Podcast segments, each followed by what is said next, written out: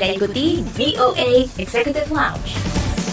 Direct from Washington, VOA. Welcome to VOA Executive Lounge.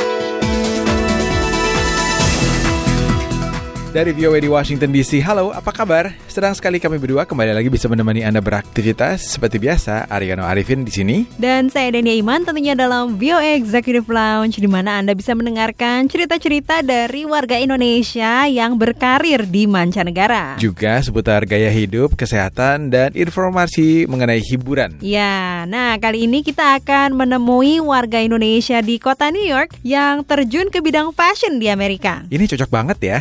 Kota New York kan ini memang dianggap sebagai salah satu pusat fashion dunia Bener, jadi nggak salah ya Ria. Memang yang sekarang tinggal di New York ini adalah warga Indonesia Lutfi Majid yang sudah menekuni bidang fashion sejak masih tinggal di Indonesia dulu nih. Waduh, nggak hanya itu aja. Sekarang Lutfi juga merancang pakaian yang belum lama ini ia pamerkan di ajang Jakarta Fashion Week. Wah, keren ya. Jadi di Amerika dan juga di Indonesia. Mm-mm. Nah, jadi penasaran bagaimana kiprah Lutfi di dunia fashion? Nantikan obrolannya di VOA Executive Lounge.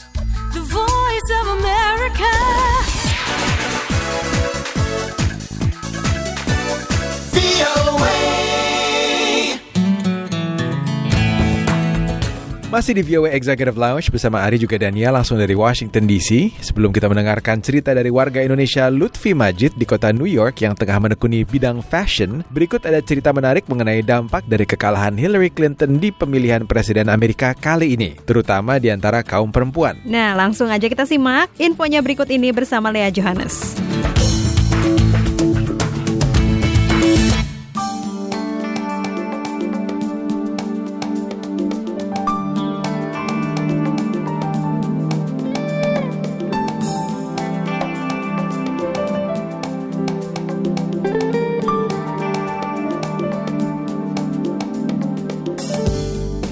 Kekalahan kandidat Hillary Clinton dianggap sebagai pukulan bagi penganut feminisme. Sebagian ibu-ibu di Amerika berupaya menjelaskan kekalahan Hillary Clinton kepada anak perempuan mereka.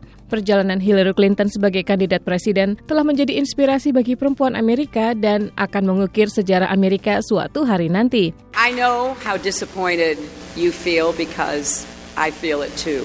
And so do tens of millions of Americans who invested their hopes and dreams in this effort.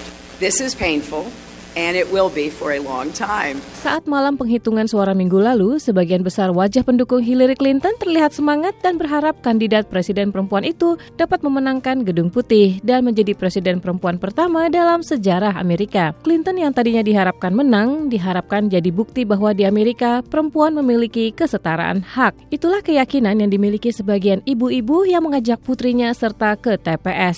Salah satunya adalah Miriam Bencheik, warga negara Amerika yang dibesarkan di Maroko.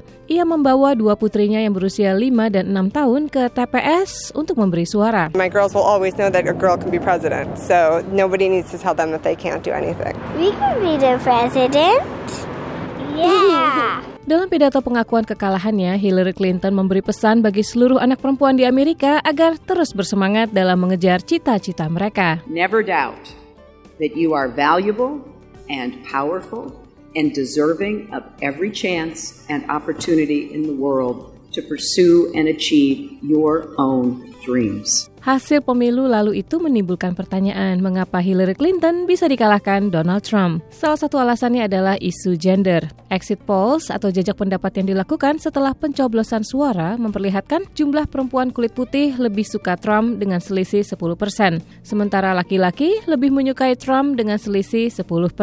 Linda Crozier, pendukung Trump dari Pennsylvania mengatakan perempuan tidak memiliki hak sebagai presiden. Alasannya adalah perempuan mudah terbawa emosi dalam keputusan yang sangat penting. Lewat Skype, David Schultz, profesor sains dan politik dari Universitas Hamline mengatakan, There's, I think, still a large percentage of our population that won't vote for a woman for president for the United States. Sejarah mencatat peran perempuan dalam pemilihan presiden. Pada awal tahun 1900-an, Elizabeth Cady Stanton memperjuangkan hak memilih bagi perempuan. Colin Jenkins adalah cucu perempuan Elizabeth Stanton, pemimpin gerakan hak perempuan. Jenkins mengatakan seandainya Elizabeth masih hidup, ia akan bertanya apa yang harus dilakukan tahap berikutnya. So she would ask, What's the next step? Kekalahan Hillary Clinton membawa kesedihan bagi para pendukungnya yang kebanyakan perempuan. Namun mereka tidak ingin larut terlalu lama dalam kekecewaan itu, seperti yang dikatakan Patricia Mionopisia, salah seorang pendukung Clinton. You know, we need to become active again.